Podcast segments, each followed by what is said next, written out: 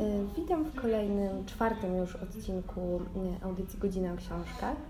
W poprzednich audycjach, których um, możecie posłuchać na Mixcloudzie Radio Kapitał, tak samo jak tego wywiadu, który, który dzisiaj usłyszycie, rozmawiałam z Kubą Małeckim, Izabą Gitkiewicz i Karoliną Bednarz, a dziś niezmiernie się cieszę, że w książkach będę rozmawiała z człowieczką orkiestrą, która robi One Woman Show na rynku wydawniczym. E, Anitą Musią. Cześć Anita. Cześć, bardzo mi miło. E, Anita jest założycielką wydawnictwa, o którym e, na pewno słyszeliście, a jeżeli nie słyszeliście, to na pewno widzieliście, bo wydawnictwo to jest słynne ze swoich przepięknych okładek, od których wprost nie można oderwać wzroku, a ja jestem akurat taką osobą, która bardzo lubi oglądać książki, lubi okładki i bardzo, bardzo mi się podoba zawsze design, który pasuje do, do, do treści. E, a jeżeli nie widzieliście, no to już na pewno czytaliście e, w różnego rodzaju publikacjach, w magazynach, e, między innymi w magazynie książki. E, ja na przykład z tego powodu, e, z powodu fascynującej recenzji e, książki Mój rok odpoczynku i relaksu. Relaksu i odpoczynku. Relaksu i odpoczynku, tak. Przeczytałam właśnie książkę. No i mowa o wydawnictwie Pauza, po tym szumnym wstępnie można wreszcie powiedzieć. Ani to ja bym najpierw chciała porozmawiać trochę o Tobie, zanim przejdziemy do, do książek. Zgadzasz się? Tak, oczywiście. E, jesteś na tym rynku wydawniczym od 1998 roku. Tak, bardzo długo. Długo. Bardzo długo, tak. E, pracowałaś w Egmoncie, w świecie książki, w grupie wydawniczej Foxal. Tak jest. Mm, I w pewnym momencie, w 2017 roku, jeżeli dobrze pamiętam, e, jesienią w Saskiej Kępie, uroczej, tak. malowniczej, mojej, mojej w sumie też sąsiadującej, można tak powiedzieć, powstało wydawnictwo Pauza. Tak na Saskiej Kępie, bo tam mieszkam i powstało w moim domu, więc...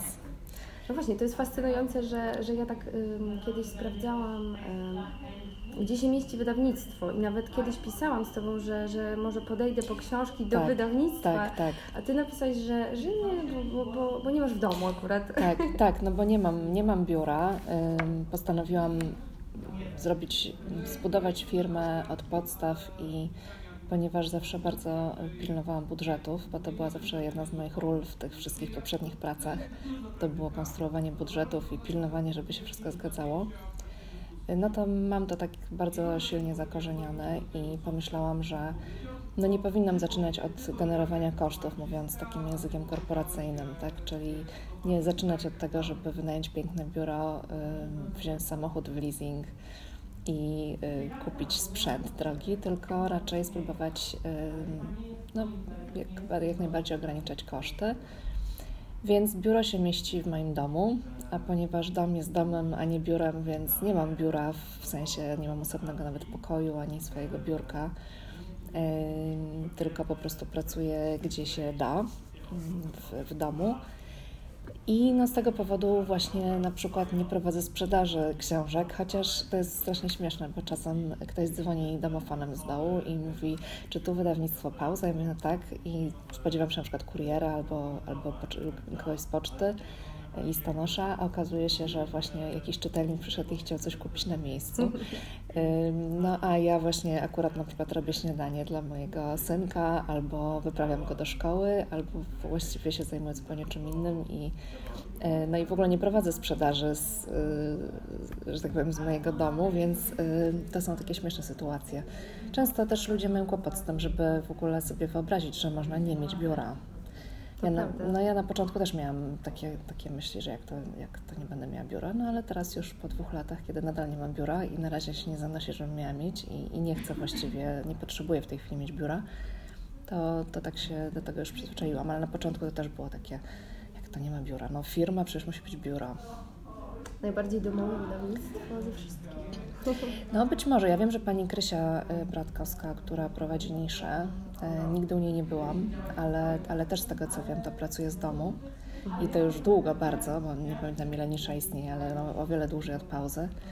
Y, ponad 10 lat chyba, nawet ponad może nawet 15 w każdym razie. Da się to zrobić. Pewnie też jest łatwiej może jak się mieszka samemu, a y, takie życie rodzinne, rodzinno-biurowe bywa czasem trudniejsze. Ale są różne uwarunkowania, także myślę, że to jest najmniejszy problem na tym rynku, to jest posiadanie biura. O tak powiem, jakbym miała opowiadać o rynku wydawniczym, to pewnie to jest najmniejszy problem. No pewnie tak, jeszcze trochę Cię podpytam potem te wydawnictwa i problemy, e, ale tak mnie teraz e, jakoś zwizualizowałam sobie e, przychodzenie do Ciebie po książkę, tam nie wiem, jakaś szarlotka. Może tak być, tak. A to musisz mieć strasznie dużo książek chyba, prawda? No mam sporo książek, znaczy no, oprócz tego, że mam swoje książki prywatne, które czytam i też dostaję dużo książek, dużo propozycji wydawniczych też dostaję w, mhm. w postaci papierowej chociaż też bardzo dużo PDF-ów, już wiadomo od wielu lat PDF-y są takim najczęściej rozsyłanym, że tak powiem, materiałem. Także no, no, mam sporo, mam też y, w piwnicy parę pudełek właśnie z książkami takimi na bieżąco potrzebnymi, jak ktoś potrzebuje akurat w danym momencie. Mam też mały składzik w samochodzie, przyznaję. Wow. Nie otwieram bagażnika, bo po prostu wysypuje się z niego. Także no, takie potrzeby chwili, tak. Ale, ale magazyn mam w Warszawie też i to też była świadoma decyzja, że, że magazyn mieści się w motylach książkowych w Warszawie, na ulicy Zwrotniczej, czyli tak naprawdę w centrum, no, na bliskiej woli. Właśnie po to, żeby można było w każdej chwili podjechać i wziąć książkę, jeżeli jest potrzebna, czy więcej, zawieźć komuś. Także stąd też się zdecydowałam na ten magazyn, żeby był po prostu na miejscu. No tak, trzeba by było robić inaczej jakieś labirynty z książek. Tak, tak, tak. Trochę moje marzenie było niestety Z labi labiryntowy, tak. tak. tak. E, czyli właśnie się zastanawiałam, jak e, wstawiałaś zdjęcie na Facebooku linii. Tak. A, że bardzo lubisz ten moment, kiedy przychodzi i się tak. cieszy, że taka świeża książka, jeszcze cieplutka, że masz ją w rękach i właśnie tak się zastanawiałam, że kurczę, chyba dużo tych książek, skoro wszędzie e, głośno jest i właśnie w najnowszym magazynie książki w różnych E, zapowiedziach ta linia się pojawia, więc się zastanawiałam, czy to tak jest, że, że, że, że domu, właśnie takie góry książek. No do domu przychodzą zawsze, zawsze egzemplarze sygnalne z drukarni. Mhm. Zazwyczaj jest ich 20, czasem proszę o więcej, jeżeli wiem, że od razu muszę je szybko gdzieś rozwieść. Mhm. E, także to, są te, to jest taki pierwszy kontakt z tymi książkami, które przyjechały prosto z drukarni. E, no i to jest cudowny moment i mówię zawsze, że pomimo tylu lat, lat pracy na rynku jednak za każdym razem strasznie się cieszę, jak te książki przychodzą. Te nowe książki. To jest fantastyczne uczucie, naprawdę. Mhm. E, chciałam się Ciebie zapytać, czy w ogóle zaczęłaś legendą o samobójstwie? Tak. Tak dosyć... Wiele osób mówiło, że to po prostu tak, że to jest zły pomysł, e, że to jest strasznie ciężki temat, ciężka książka. Sam tytuł przeraża, na pewno przerazi wszystkich. Nawet pamiętam, że z tłumaczką, z Miłką Jankowską rozmawiałyśmy o tym tytule, czy można go w jakikolwiek sposób przerobić, jakoś zmienić. Y, są kraje, które wydały tę książkę pod tytułem y, Wyspa Sukwan, bo to jest ta nowelka w środku najdłuższa, y, nazywa się Wyspa Sukwan, czy na Wyspie Sukwan, nie pamiętam już dokładnie. W każdym razie E, na przykład we Francji książka ukazała się właśnie pod tym tytułem, więc są kraje, które się po prostu boją jednak tego samobójstwa. E, ja uznałam, że to jest tak mocna książka, tak dobra książka, że po prostu zaryzykuję. I wiedziałam, że na pewno mm, będą ludzie, którzy się będą bali po nią sięgnąć, ale jednak wydaje mi się, że nazwisko Davida Vana też przyciągnęło wiele osób. Książka, która odniosła ogromne sukcesy na bardzo, bardzo wielu rynkach, a u nas była kompletnie nieznana, także... Ale też to wejście e, w swojego rodzaju mm, trudną tematykę e, mam wrażenie, że jest takie dosyć charakterystyczne, że ty się w ogóle tego nie boisz w swoich książkach. To znaczy, Mm, myślałam o, o, na przykład y, najnowszej, znaczy najnowsza będzie linia, ale o Zgin Kochanie, że pojawia się ten, ten temat depresji poporodowej, y, pojawiają się takie bardzo mocne fragmenty y, zastanawiania się własnej matki nad, nad, nad tym, czy ona właściwie kocha to dziecko. Ja bym chciała później, żebyśmy przeczytały fragment, jeżeli, jeżeli pozwolisz, właśnie książki Zgin Kochanie.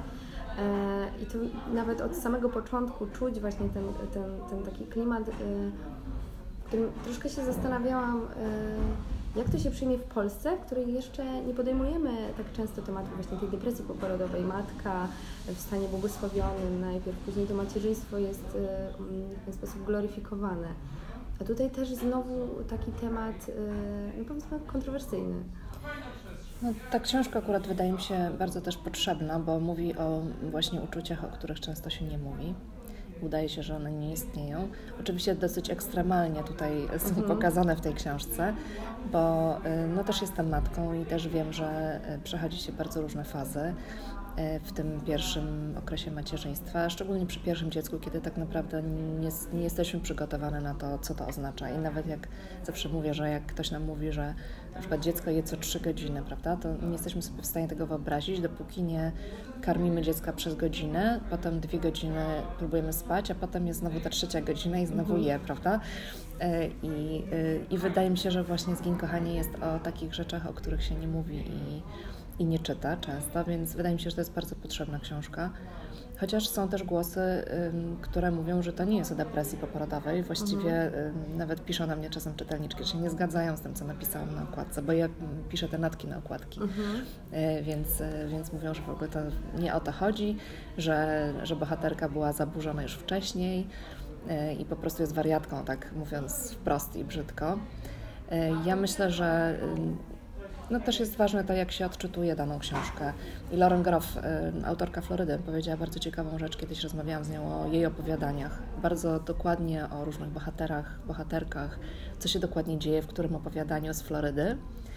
Y, I ona mi powiedziała, że bardzo wierzy w to, że każdy, kto czyta opowiadania, w szczególności akurat opowiadania są mi bardzo bliskie, ale w ogóle kto czyta literaturę piękną, ona użyła określenia, że wyjmuje z niej to, co jest mu najbliższe. Także jakby widzi to, co jest najbardziej potrzebne, czy najbardziej ciekawe, czy właśnie najbliższe sercu danej osoby. Więc myślę, że może ktoś, kto, kto się zmaga na przykład z, z jakimiś problemami e, osobo, z, z, własną osobowością albo z kimś bliskim, to może widzi właśnie przysłowiową wariatkę w e, bohaterce Ariany Harwicz w Zgin Kochanie, e, czy osobę zaburzoną a może matka widzi właśnie te rzeczy, które przeżywała na początku, jak mhm. miała własne dziecko i nie wiedziała, co ze sobą zrobić i z tym dzieckiem i w ogóle jak do tego podejść. Także mm, wydaje mi się, że też na przykład Przyjaciel jest taką książką, e, która jest bardzo silnie odczytywana bardzo, na bardzo różne sposoby. Y, na przykład samotne kobiety często właśnie identyfikują się z bohaterką i z tą jej samotnością, z, tym, z tą miłością, która y, tak naprawdę się nigdy nie ziściła, którą ona utraciła w pewien sposób. Y, właściciele psów, szczególnie tych, które odeszły, bardzo się identyfikują z tym, że jest to pies i miłość do psa i otoczenie tego psa opieką i co ten pies daje nam w zamian i właśnie o tym odchodzeniu i w ogóle jakby nie interesują się tak naprawdę tą bohaterką tak do końca, tylko głównie tym psem. To, to tak może duże, w dużym uproszczeniu, ale, ale wydaje mi się, że właśnie każdy dostrzega to, co jest mu bliskie. Inga Iwasiów napisała e, polecenie na, mm, e, na przyjaciela Sigrid Nunes i właśnie na przykład wychwyciła ten element życia akademickiego, który mhm. tam się przewija, prawda? Że, że e, ta bohaterka wykłada, na, wykłada uczy pisania tak, ale też cudowne fragmenty, to akurat e, zaczęłam sobie podkreślać. To co, to, co wyłapałam, to były właśnie e, niesamowite cytaty z innych książek tak. i też takie e, wskazówki, jak pisać, e, tak. jak e, bohater chodził, żeby, żeby pisać, prawda, i, i znaczy pomagało mu to, to w pisaniu. E, bardzo dużo takich właśnie tipów dla pisarza e, również. Aczkolwiek mój obraz, e, jeżeli powiedziałaś, że każdy sobie mm, wybiera to, co, to, co tam go w jakiś sposób z daną książką łączy, to powiem Ci, że chyba mam problem, bo, bo rzeczywiście w Twoich książkach bardzo, książki Pauzy są w ogóle takie bardzo wielowymiarowe i mnie szczególnie fascynuje sposób, w jaki pokazujesz kobiety, e, że one są takie nieoczywiste, takie mroczne, trochę rozhistoryzowane, trochę rozerotyzowane. Mm, można je odczytywać na bardzo wiele, wielu poziomach. A może prawda? otwarte są po prostu, może mówią o swoich tak. potrzebach i uczuciach. Tak, o, o, tym, o tym właściwie, o czym się tak na co dzień nie mówi. To prawda. We wstępie do przyjaciela o którym przed chwilą wspomniałaś. To znaczy jedno z trzech mod brzmi, każda powieść próbuje tak naprawdę odpowiedzieć na pytanie, czy warto żyć. Mhm. I mam wrażenie, że powieści czy opowiadania, które wydajesz, mm, doprowadzają czytelnika do takiego momentu skonfudowania, że właściwie nie wiemy, czy to była książka o tym, czy warto, czy nie warto, że nie dostaniemy takiej prostej recepty, tylko zostajemy tak troszkę z, y, z rozłożonymi rękami i z jakimś takim poczuciem wręcz dyskomfortu, prawda? No też jest to kwestia interpretacji, tak? No, wracając do, do przyjaciela, czy książka się kończy dobrze, czy, czy kończy się smutno, tak? E, czy to, co, co przeżyła bohaterka za sprawą e, tego Dogarlekina mhm. E, było tak fantastycznym przeżyciem i tak bardzo jej pomogło przejść przez żałobę, że tak naprawdę to było doświadczenie optymistyczne? Czy się skupiamy na tym, że pies odchodzi pod koniec, no spoileruję książkę, ale no, po mhm. prostu odchodzi, bo jest już stary i, i jakby żyje ostatni ten swój okres życia spędza w, w ogromnej radości, opiece, pod opie fantastyczną opieką, no ale odchodzi, tak? I y, Nasz chłopak to jest też książka Daniela Magariela, mhm. która y, wzbudza bardzo różne y, uczucia i bardzo jest różnie odbierana. Ja uważam, że Nasz chłopak jest książką bardzo optymistyczną że pokazuje więź braterską, że pokazuje to, że można wyjść z opresji, z naprawdę bardzo trudnych sytuacji. I ta symbolika też e, końca tej książki, tym razem nie zaspoileruję, ale dla mnie to jest bardzo optymistyczne zakończenie. Ale znam wiele osób, które twierdzą, że jest to strasznie ciężka rzecz. Niewątpliwie są tam bardzo trudne, e, trudne opisy przemocy na przykład. Na szczęście jest ich niewiele, ale, ale jednak są. E, i niektórzy bardziej skupiają się na tych złych rzeczach, które są w tej książce, czyli na tym, że ojciec jest narkomanem, że zaniedbuje y, swoich synów, że nakręca jednego przeciwko drugiemu. Prawda? Mhm. O tych relacjach jakby toksycznych, tak? Dla, dla niektórych czytelników te relacje toksyczne są silniejsze i ważniejsze w tej książce, a nie to, że tak naprawdę można z tego wszystkiego wyjść i wybrnąć, co dla mnie jest bardziej ważne i widoczne to Także... prawda. Każdy właściwie y, może to rzeczywiście w inny sposób y, interpretować. Y, kiedyś powiedziałaś też w wywiadzie, że chcesz wydawać książki, nad którymi się trzeba skupić y, i które na długo y, pozostają, pozostają w głowie. Rzeczywiście tak jest i one wręcz świdrują w głowie i tak jakby wybrzmiewają jeszcze przez długi czas. Ja tak miałam, jak przeczytałam pierwszą książkę Pauzy, to chyba była, to był chyba zbiór opowiadań Mirandy, e, July. Mhm, pasujesz tu najlepiej. Tak, tak mhm. tak, tak. I wtedy zaczęła się w ogóle fascynacja e, tego typu prozą, bo jest to jednak bardzo specyficzna, groteskowa, groteskowa proza. Ile książek musisz przeczytać, zanim się zdecydujesz, że o, to właśnie tak? No bardzo różnie. Właśnie w ostatnich e, dwóch tygodniach kupiłam prawo do pięciu książek. To jest strasznie dużo i już nawet żartowałam, pisałam na Facebooku, że muszę przestać, e, bo akurat przeczytałam trzy książki pod rząd, które bardzo mi się spodobały i wiedziałam, że chcę kupić prawa do nich od razu. No ale na przykład poprzednie, poprzednią kupiłam, nie wiem, 6 miesięcy temu, mhm. czyli przez te 6 miesięcy czytałam bardzo różne rzeczy Y, które no, na różnych etapach y, odrzucałam. Więc no, trudno powiedzieć tak naprawdę, ile muszę przeczytać. Czasem jest tak, że po prostu książka mi wpada w oko i od razu wiem, że to jest to, a czasem się zastanawiam bardzo długo. Właśnie złożyłam ofertę na jedną opowieść. Jeszcze nie mogę powiedzieć, co to jest, bo, bo ta oferta nie została jeszcze zaakceptowana przez mhm. agenta literackiego. Natomiast to jest książka, którą się bardzo długo zastanawiałam bo mi się strasznie podobała, ale zastanawiałam się, czy będę w stanie ją dobrze wypromować i sprzedać u nas, mhm. czy tematyką będzie pasowała do czytelników, czy zaciekawi ludzi.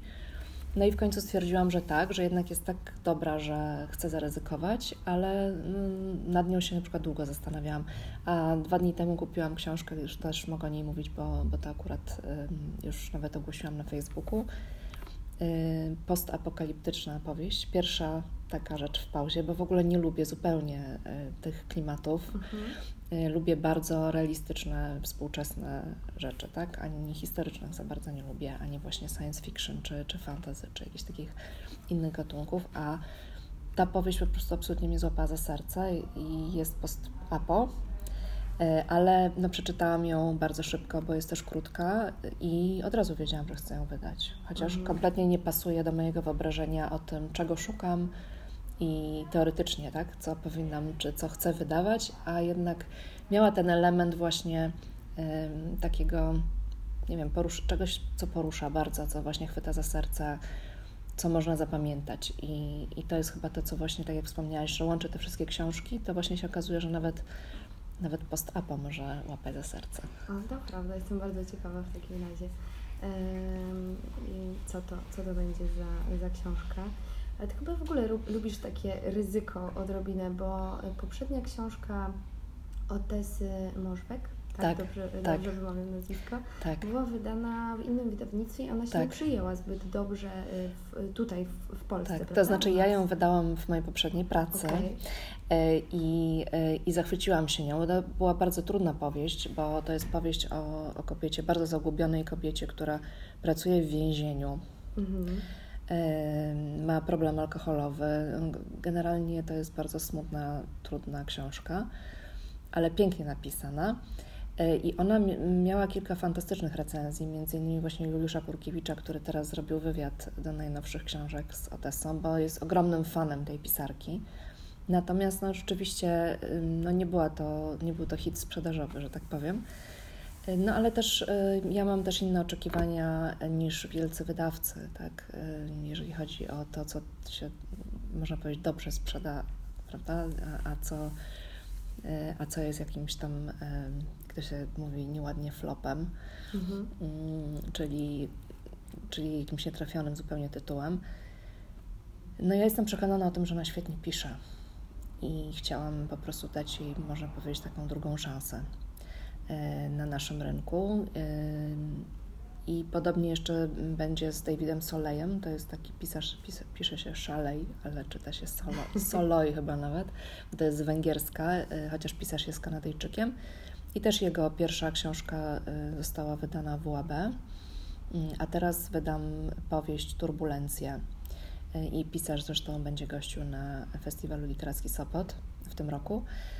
Y, także no czasem, czasem właśnie podejmuję takie ryzykowne decyzje, tak? No to są ryzykowne decyzje, ale czasem też jest ogromne szczęście, bo na przykład Lauren Groff tak naprawdę no to było szczęście, że mi się udało ją kupić, bo przecież wydawał ją znak. I e, ja mam też taką zasadę, że nie podkupuję autorów. Uważam, że to jest bardzo e, nieetyczne i no, bardzo krytycznie do tego podchodzę. Więc ci autorzy, którzy się pojawiają w pauzie, a byli już wydawani gdzieś indziej, to zawsze proszę pamiętać, że tamto wydawnictwo nie chciało ich dalej wydawać. Bo nie jest tak, że mhm. ja przychodzę i jakby kradnę, tak, mówiąc brzydko, Zresztą pewnie gdybym chciała się nawet. wśród wydawnictw? Właśnie? Oczywiście, znaczy no, podkupuje się autorów bardzo często.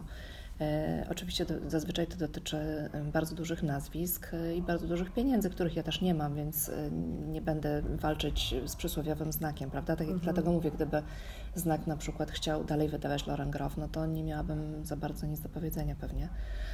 E, natomiast no, miałam szczęście, że nie chciał. E, myślę, że ze względu na to, że, że, że to były opowiadania i w ogóle wszyscy się boją opowiadań w Polsce, bo opowiadania rzeczywiście się dosyć słabo sprzedają w porównaniu z powieściami i to jest prawda. Mhm. I możemy się zrzymać i mówić, że dlaczego tak jest. No, tak naprawdę nie wiem do końca, dlaczego tak jest, no ale tak jest.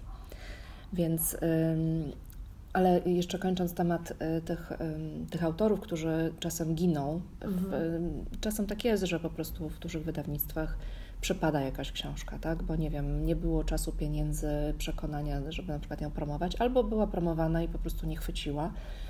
Y, I, no i potem już ten autor nie jest dalej wydawany. Ja mam taką zasadę, że chcę tych moich autorów y, wydawać dalej i mam nadzieję, że mi się to będzie udawało. Teraz będę wydawać trzecią książkę Davida Vana w tym mhm. roku, trzecią książkę Edwarda Louis, y, drugą książkę Teres Bowman Także i Sigrid Nunes, też nowość, przepiękna powieść Sigrid Nunes, która dopiero się ukaże w ogóle we wrześniu w Ameryce i też będzie we wrześniu po polsku. Ciekawe. Tak, w podobnym momencie mam nadzieję, że, że wydam nową Sigrid i mm, no, nie, nie bardzo sobie wyobrażam, że miałabym powiedzieć autorowi, no po prostu książka się nie sprzedała, y, nie chcę czytać Twoich kolejnych książek, ani ich wydawać. To jest, myślę, że strasznie trudna decyzja też i taka nie do końca fair wobec autora, bo czasem jest tak, że się dopiero trzecia książka na przykład bardzo dobrze sprzedaje. I też są takie, takie przypadki, tak? Zresztą większość mhm. autorów, którzy są y, rozchwytywani, no nie zawsze się, pewnie pierwszy Remigiusz Mróz się też nie sprzedał i no po prostu tak to działa, że trzeba czasem e, wesprzeć autora bardziej na rynku, a nie tylko wydać jedną książkę i później ją porzucić. Teraz nawet metaforycznie domowe wydawnictwo się zrobiło. tak, tak.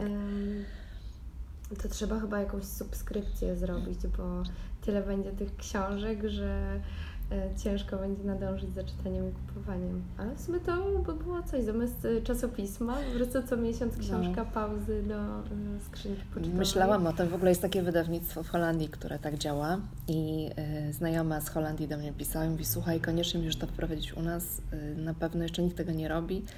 No ale subskrypcje generalnie słabo działają niestety na naszym rynku.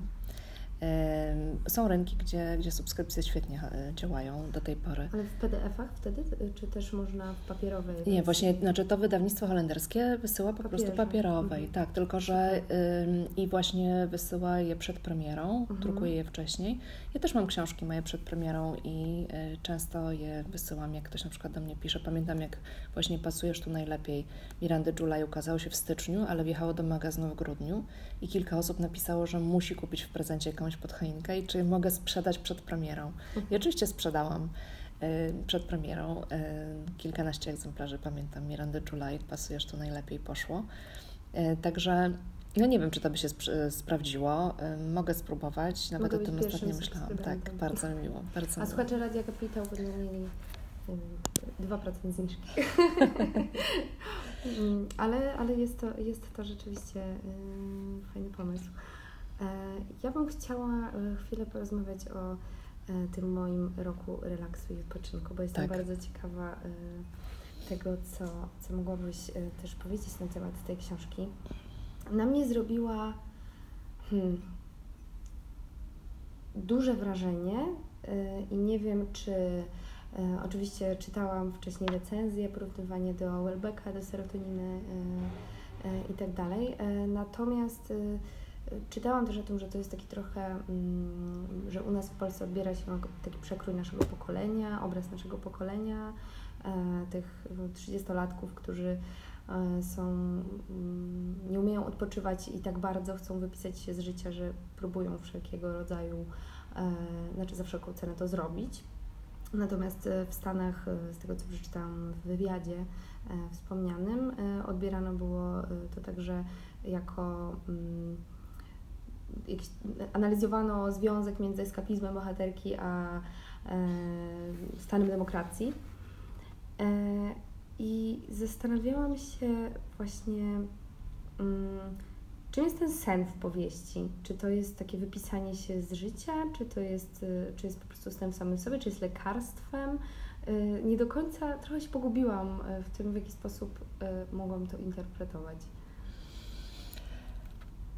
Hmm. Myślę, że y, no przede wszystkim pytanie jest takie, czy wierzymy we wszystko, co tam się dzieje, tak? mhm. tak? Czyli czy on naprawdę śpi, czy jej się wydaje, że śpi, jak długo śpi, czy dosłownie traktujemy wszystko, co tam jest y, opisane.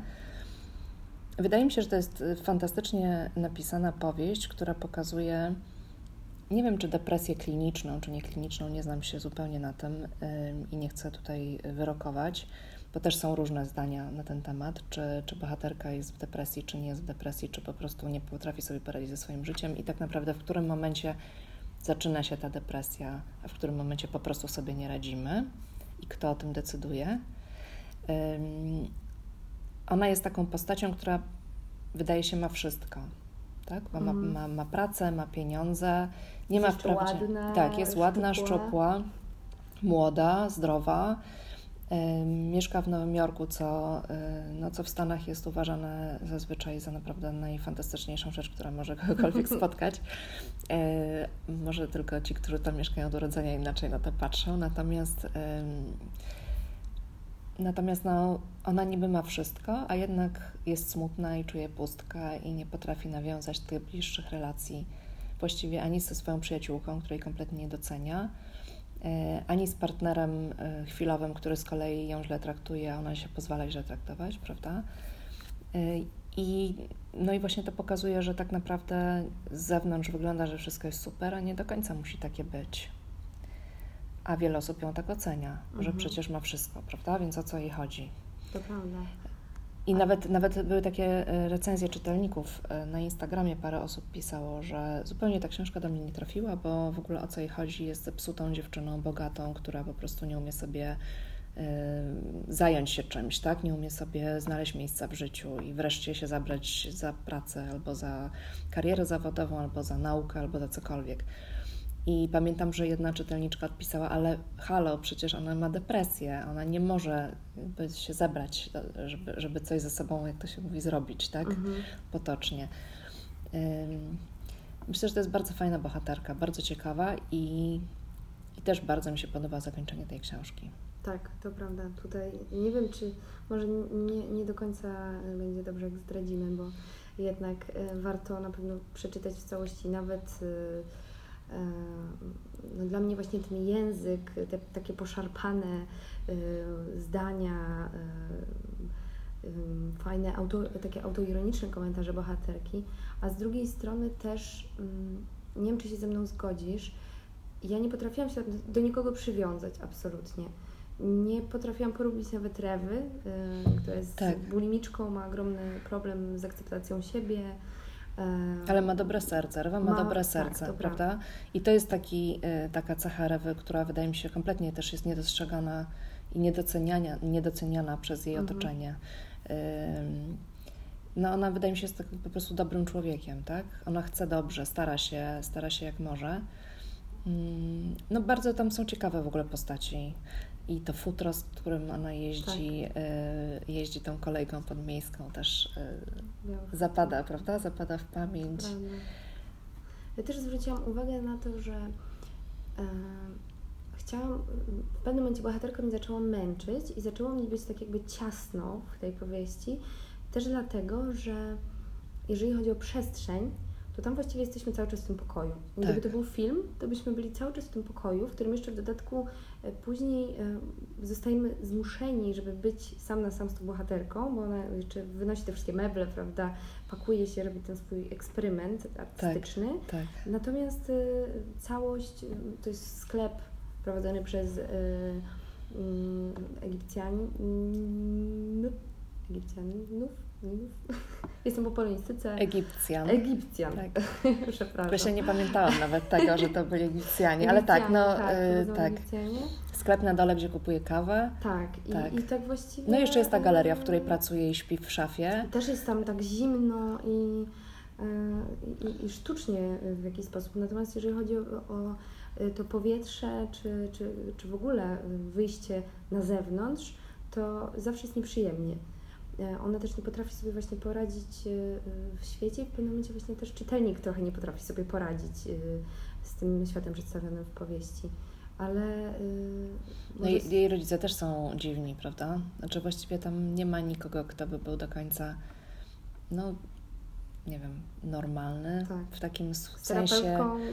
Yy, no właśnie, tak. Terapeutka jest najbardziej dziwna ze wszystkich. Yy, tak, no zawsze jest też pytanie, czy dobrze jest być normalnym i co to znaczy być normalnym, prawda? Ale, no ale nawet jej rodzice budzą takie bardzo mieszane uczucia. Czy tak naprawdę byli dobrzy dla niej, czy nie? Prawda? Tak samo też y, no, rodzina Rewy też jest y, dwuznaczna. No tak jak, tak jak w życiu. Ludzie są wielowymiarowi. Mhm. Myślę, że to bardzo dobrze jest pokazane w tej książce.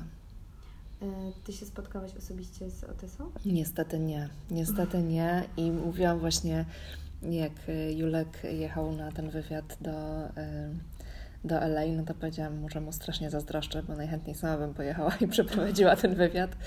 No niestety tak czasem mam. E, Sigrid Nunes też nie poznałam osobiście, e, chociaż też były z nią wywiady robione do polskiej prasy.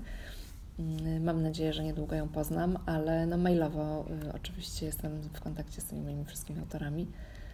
Niestety o Tessy nie, ale mam nadzieję, że ją kiedyś poznam. Myślę, że jest bardzo ciekawą osobą. To prawda. E, wywiad właśnie z nią w książkach też jest taki mm, ciekawy y, i, i, i, też bardzo mi się podobało to. E, z jednej strony zdziwiło, że, że ona mówi, że ona to wie, że jest porównywana, ale nawet Welbecka nie czytała.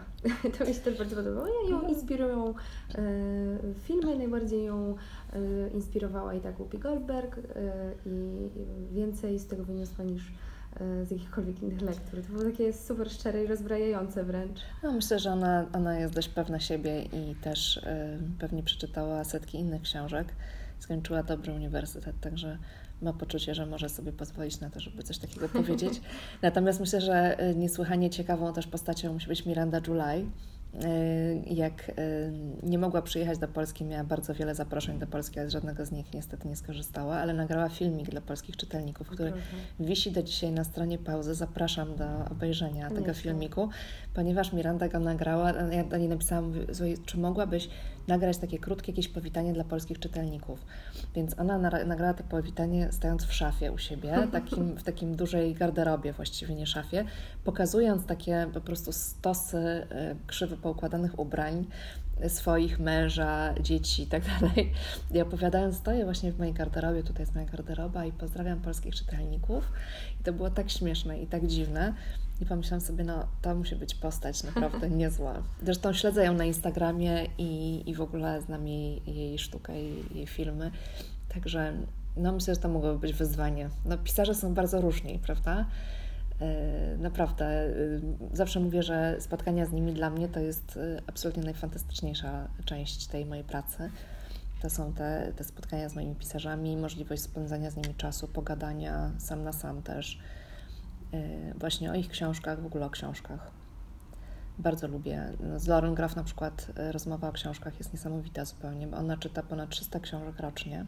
Wow bo jej dzień wygląda tak, że wstaje o 5 rano, idzie pobiegać, a potem pracuje do 4 po południu codziennie i albo pisze, albo czyta. No, nie może pisać cały czas, więc bardzo, bardzo dużo czyta.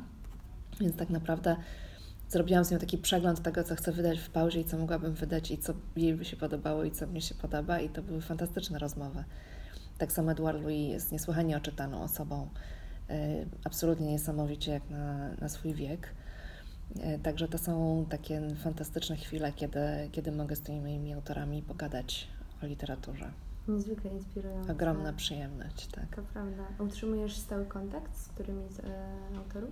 Tak, no z większością z nich, e, oczywiście oprócz tam życzeń świątecznych i, i tego typu rzeczy, to, to tak, piszemy do siebie piszemy do siebie często też na Instagramie, tak mhm. tak spontanicznie. Jak Olga Tokarczuk dostała Nobla, to pierwszą osobą, do której napisałam była Loren, bo, bo Loren strasznie ją lubi i ceni i poznała ją w ogóle na, na nagrodach Bookera. E, I też w Warszawie, jak, jak była, to spotkałyśmy Olgę przez przypadek. Zresztą mamy zdjęcie, znaczy Loren ma zdjęcie z, z Olgą. E, także pierwsza rzecz napisałam do niej SMS-a Olga i takie wykrzykniki, a ona od razu po prostu odpowiedź What happened? What happened? Co się wydarzyło? No i napisałam jej Nobel i w ogóle radość po prostu. Także tak, tak, no, jestem z nimi w kontakcie bliższym, częstszym albo, albo rzadszym, w zależności od też ich e, zajęć i tego, jak bardzo są w tą swoją pracę zagłębieni. Są tacy, którzy się w ogóle wyłączają na kilka miesięcy, na przykład jak piszą i nie ma z nimi za bardzo y, żadnego sposobu porozumienia się. Także. Mhm. To właśnie też przeczytałam w kontekście y, Otesy, która powiedziała, no y, i tak samo w Przyjacielu jedną z rad dla pisarzy było po prostu samotność, że, że, że jednak mm, najwięcej pisarzy są najbardziej płodni wtedy, kiedy, kiedy są E, sami ze sobą i mogą bardziej się skupić na, na pisaniu. I wszyscy mówią, żeby bardzo dużo czytać. To jest taka tak. rada, która nie zawsze jest głoszona przez polskich pisarzy, a, a właściwie wszyscy moi, y, moi autorzy zawsze powtarzają, że przede wszystkim trzeba strasznie dużo czytać, żeby dobrze pisać. Mhm. I wszyscy to robią. Um, masz swoją ulubioną książkę wydawnictwa Pauza? Mam, ale nie powiem. O nie! To może po 21 mi powiesz chociaż. Dobrze, ja nikomu tak. nie powiem. Chciałam Ci jeszcze powiedzieć, że jak powiedziałaś tej Mirandzie, mm, to jedna z książek chyba zbiór opowiadań ma jej zdjęcie z tyłu na e, okładce, prawda? I to zdjęcie jest takie magnetyzujące.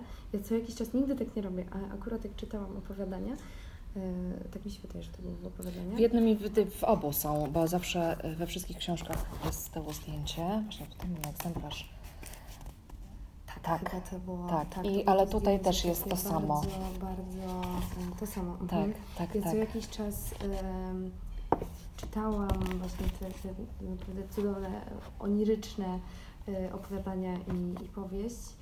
E, bardzo groteskowe i co jakiś czas patrzyłam się w oczy tej autorce, która tak bardzo intensywnie się patrzy tymi niebieskimi oczami e, z okładki i pomyślałam sobie, że to naprawdę musi być fascynująca osoba.